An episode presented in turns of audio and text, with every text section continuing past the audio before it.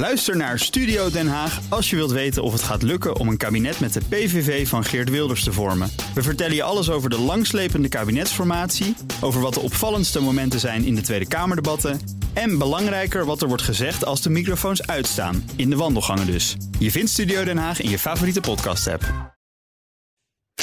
Ze is de klimaatluis in de pels van de Nederlandse politiek. Marjan Minnesma, directeur van Urgenda, bekend van de klimaatrechtszaak tegen de staat, die tot aan de, de Hoge Raad aan toe gewonnen is.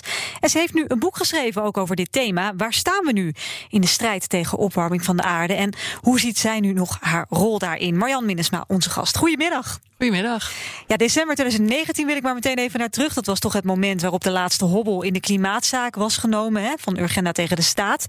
Toen kregen jullie ook gelijk. De staat moet de CO2-uitstoot verder omlaag brengen. Ja, we zijn nu bijna anderhalf jaar verder. Hoeveel verder zijn we dan dat moment? Nou, op dat moment was het jaar 2019 bijna om. En wat wij wonnen was dat de regering in het jaar 2020, dus zo'n beetje tien dagen later, 25% minder moest uitstoten dan in 1990. Ja. En uh, dat betekende eigenlijk dat ze nog 16,5 megaton, dat is een miljoen ton, dat is heel veel CO2, um, ehm, minder moesten uitstoten in één jaar. En normaal doen ze eens een keer twee of drie verminderen in een jaar. Dus 16,5 was eigenlijk normaal gesproken nooit gehaald. Maar omdat het vorig jaar en corona en een warme winter en een hele lage gasprijs uh, was daardoor is het eigenlijk bijna gelukt. Ja. Maar je ziet het nu heel hard weer omhoog gaan. Dus ik heb ook deze week een brief gestuurd naar uh, premier Rutte om te zeggen: ja, je komt dit jaar waarschijnlijk 8 megaton tekort. Wat ga je extra doen? Want kijk naar Duitsland. Binnen een week reageren ze op een rechtszaak die vorige week is gewonnen door al die jongeren. Ja. En ja, dat moet u even uitleggen hoor, want dat zullen veel luisteraars misschien niet weten. Maar er is inderdaad een soortgelijke zaak als Urgenda eerder heeft gedaan. Is aangespannen in Duitsland door heel veel verschillende organisaties.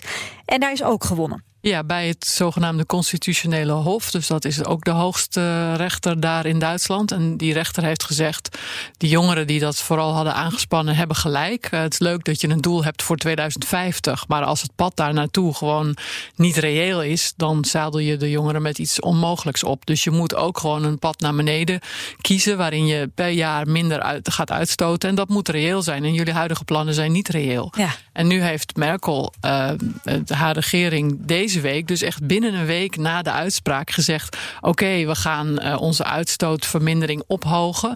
We gaan van 50 naar 65 procent. Zo, in 2050 naar 65. Dus dat is iets waar u waarschijnlijk heel jaloers naar keek. Ja, want dat heeft u Rutte nog nooit horen zeggen. Nee, en, en het was zeg maar naar nul in 2050. En dat is nu naar voren geschoven naar 2045. Ja. Nou, en dat, um, dat is een enorme stap. En dat betekent ook enorm veel extra beleid. Ik wou zeggen, kunnen ze dat waarmaken? Is het wel een realistische gedachte? Nou, het kan zeker. Als je weet dat je nog tien jaar hebt en je gaat het behandelen als een crisis, net zoals we nu doen met corona. Mhm. En je zou klimaat op dezelfde manier gaan behandelen. Want dat is het eigenlijk ook. Een veel grotere crisis nog dan corona. Alleen ziet uh, Men ziet het niet omdat het zo geleidelijk gaat. Ja. ja. precies. En als je dat wel zo behandelt, dan kan het. En dan betekent het gewoon dat je niet allemaal kleine mini-stapjes doet, zoals wij ook nu doen. Maar dat je gewoon zegt: in 2030, dan maken we alleen nog maar kolen zonder uitstoot. Hmm. Dan gaan we geen steenkool meer gebruiken, maar waterstof. Want wat zegt Merkel dan nu, wat de grote klapper in Duitsland gaat zijn, die het uh, al een heel stuk moet gaan helpen om dat doel te halen van die 65 procent? Nou, ik vind het al tamelijk ongelooflijk dat ze binnen een week reageren met een hoge, uh, veel hoger hoger doel. Ik heb nog niet gezien hoe ze dat gaan halen. Ik denk ook dat er nu een discussie gaat komen in de EU. Want Duitsland is een van de grootste uitstoters in de EU. Mhm. En normaal gesproken bepalen ze met z'n allen daar samen... Van, nou, wat wordt ons doel? Ze hebben het daar net opgehoogd van 49 naar 55. En uh, het parlement wilde eigenlijk graag 60. Mm -hmm. De Groenen wilden 65. Nou, nu heeft Merkel dus ook gezegd 65. Dus mm -hmm. wat betekent dit voor Europa? Daar ben ik heel erg in geïnteresseerd. En wat betekent dan ook voor Nederland? Ja, want inderdaad, als we dan weer even kijken naar, naar Nederland, daar zijn dus nog een paar flinke klappen te maken. Um, wat is het eerste wat er eigenlijk nu moet gebeuren, als het aan u zou liggen? Nou, Nederland moet en voor de korte termijn ons vonnis nakomen. En dat betekent gewoon dit jaar. Want elk jaar moeten ze minstens 25% onder 1990 blijven. En dat is nu niet zo. Uh, dat betekent dat um, ze wilden graag één kolencentrale dicht doen. Daar zijn ze nu al een jaar over aan het onderhandelen. Dat mag voor mij wel even opschieten nu. uh, de rest van de kolencentrales uh, krijgen een wet die volgende week wordt behandeld in de Tweede Kamer. Dat die naar niet meer dan 35% van hun maximale capaciteit mogen gaan. Nou, dat samen is al een klein stukje, maar is niet genoeg. Ja, dan moet, eh, wij hebben een 54-puntenplan gemaakt samen met Ja. 830 organisaties. Dat hebben we ingediend al een jaar geleden, meer dan een jaar geleden bij de regering. En daar kun je lekker uit rondshoppen hè, als daar- kabinet. Er staan daar een paar hele grote in. En ik zou zeggen, pak die. Dat Welke zijn dat? Dat zijn misschien niet de meest populaire. Maar Nou, vertel. Nou, de, de eerste is, zou wat mij betreft wel populair moeten zijn. eh, gewoon stomzinnig energie besparen. Alle bedrijven in Nederland die eh, meer dan 50.000 kub gas en eh, echt veel elektra gebruiken. Die moeten eigenlijk alle besparingsmaatregelen nemen die ze binnen vijf jaar kunnen terugverdienen. En dat zijn bijvoorbeeld ledlampen, dat is je eh, motoren vervangen. Nou, een heleboel maatregelen die ontzettend veel zoden aan de dijk zetten. En die vaak al in twee jaar zijn terugverdiend. En we- Hm. Maar dat wordt nu niet gehandhaafd. Dan, zegt uw agenda dan ook iets over de manier waarop bedrijven dat moeten doen? Hè? Want er zijn natuurlijk heel veel grote bedrijven. Wellicht luisteren die nu ook. eh, in ieder geval werknemers daarvan. Ehm, en die zeggen dan, ja, maar wacht eens even. Als wij, eh, tuurlijk, wij willen ons steentje bijdragen, zeggen bedrijven dan altijd. Maar we hebben continuïteit, we hebben medewerkers. We zitten al een beetje in een crisis. We hebben straks, kortom, moet de overheid daarin bijspringen? Bijvoorbeeld met subsidies? Of zegt u, nee, nee, daar gaan we niet over. Dat is aan de politiek. Nou, het is aan de politiek, maar wij hebben natuurlijk in dat 54-puntenplan heel veel suggesties gedaan en ook allemaal uitgewerkt. Dus er is bijvoorbeeld al een extra subsidie voor ledlampen in kassen, om maar een voorbeeld te geven. Nou, van mij mag de overheid best nog wat extra subsidies geven aan voor sommige van die oplossingen. Daar gaan wij inderdaad niet over. Maar als je het nu binnen een jaar moet doen, dan helpt dat wel. Ja.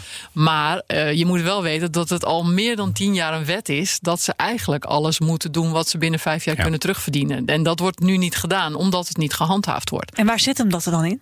Nou, de handhaving ligt bij de omgevingsdiensten. En als ik met de minister spreek, dan zegt de minister: ja, ik ga niet over de omgevingsdiensten. Dat wordt gedaan door provincies, Provincies, en gemeenten. Ik mag dat niet rechtstreeks opleggen. Dus de eh, ministerie van Economische Zaken en Klimaat die gaat nu letterlijk langs gemeenten om te vragen: willen jullie alsjeblieft aan je omgevingsdienst Gaan vragen handhaven. of ze dit gaan handhaven? Ja, ik denk. Er Maar heel- waarom wordt het niet gehandhaafd vanuit die omgevingsdiensten als nou, ze daar... omdat die eh, mensen gewoon ook met weinig mensen heel veel moeten doen. En die maken andere keuzes. Dus de provincie en de gemeente moeten gewoon zeggen... de komende twee jaar is dit prioriteit. Ja. En dan kun je daar zo drie megaton mee Een halen. beetje zoals corona nu best wel een prioriteit is, omdat we er zo snel mogelijk vanaf willen. En dan kan er ineens heel veel gaan. Zegt u ja, dit is ook een probleem, dus gas erop. Ja, en als, zeker als je weet dat heel veel dingen binnen eh, zelfs vaak zes maanden terugverdiend zijn, is dit ook niet een, een last die je niet kunt dragen. Je kunt hier zo bij een bank, als je iets binnen twee, twee jaar kunt terugverdienen, dan krijg je dat bij een bank zo voor elkaar. Maar als het een probleem zou geven, zou ik zeggen tegen de minister: maak dan maar een noodfonds. Maar dit is een van de weinige dingen waar je drie megaton mee kunt doen. Nou, en een, en een andere hele grote is die veestapel. Nou, ehm, er zijn Oh, dat is Nog zo'n populaire maatregel. ja, ja. precies. Eh, nou ja, 50% van de boeren heeft geen opvolger. Nee, Dus als je die nou gewoon heel riant uitkoopt en Precies. zorgt dat alle uitstootrechten ook bij de overheid blijven en niet naar een andere boer gaan, dan heb je ook aan dat stikstof. Heb je ook heel veel gewonnen. Want er zijn twee vonnissen die nog steeds niet uitgevoerd worden. Hè?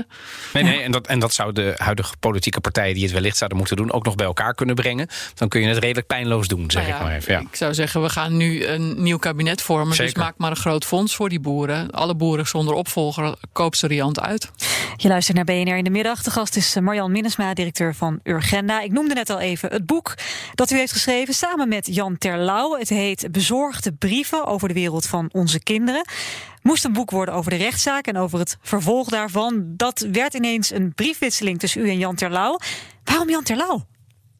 Nou, de uitgever Balans die heeft een serie met allerlei briefwisselingen. En die vroeg mij op een gegeven moment: zou jij niet een briefwisseling met iemand willen houden? En toen zei ik, ja, dat lijkt me hartstikke leuk. En als ik dan mag kiezen, dan vind ik Jan Terlouw eh, interessant om te doen.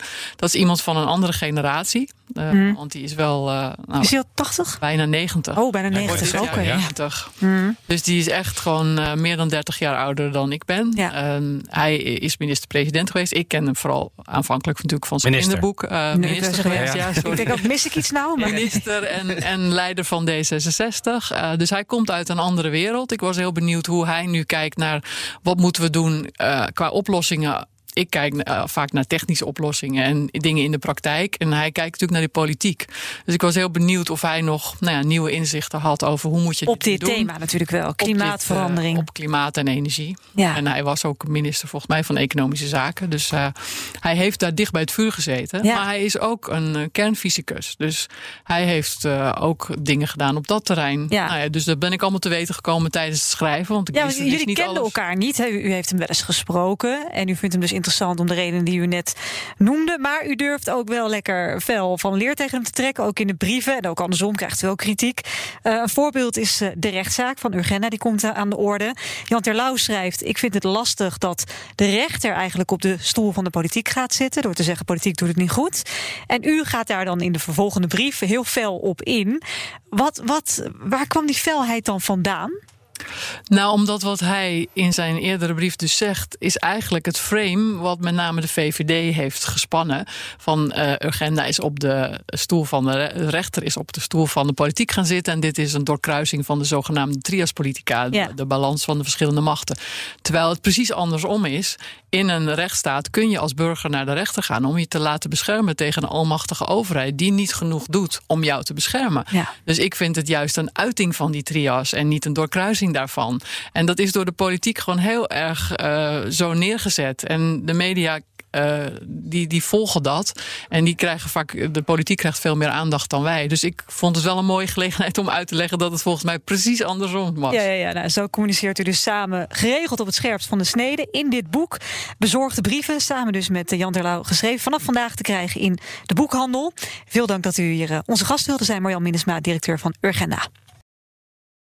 Ook Hugo Reitsma vind je in de BNR-app. Superhandig die BNR-app. Je kunt alle programma's live luisteren, breaking nieuwsmeldingen. Je blijft op de hoogte van het laatste zakelijke nieuws. En je vindt er alle BNR-podcasts, waaronder natuurlijk de belangrijkste, Boeken zijn in de wijk. Download nu de gratis BNR-app en blijf scherp.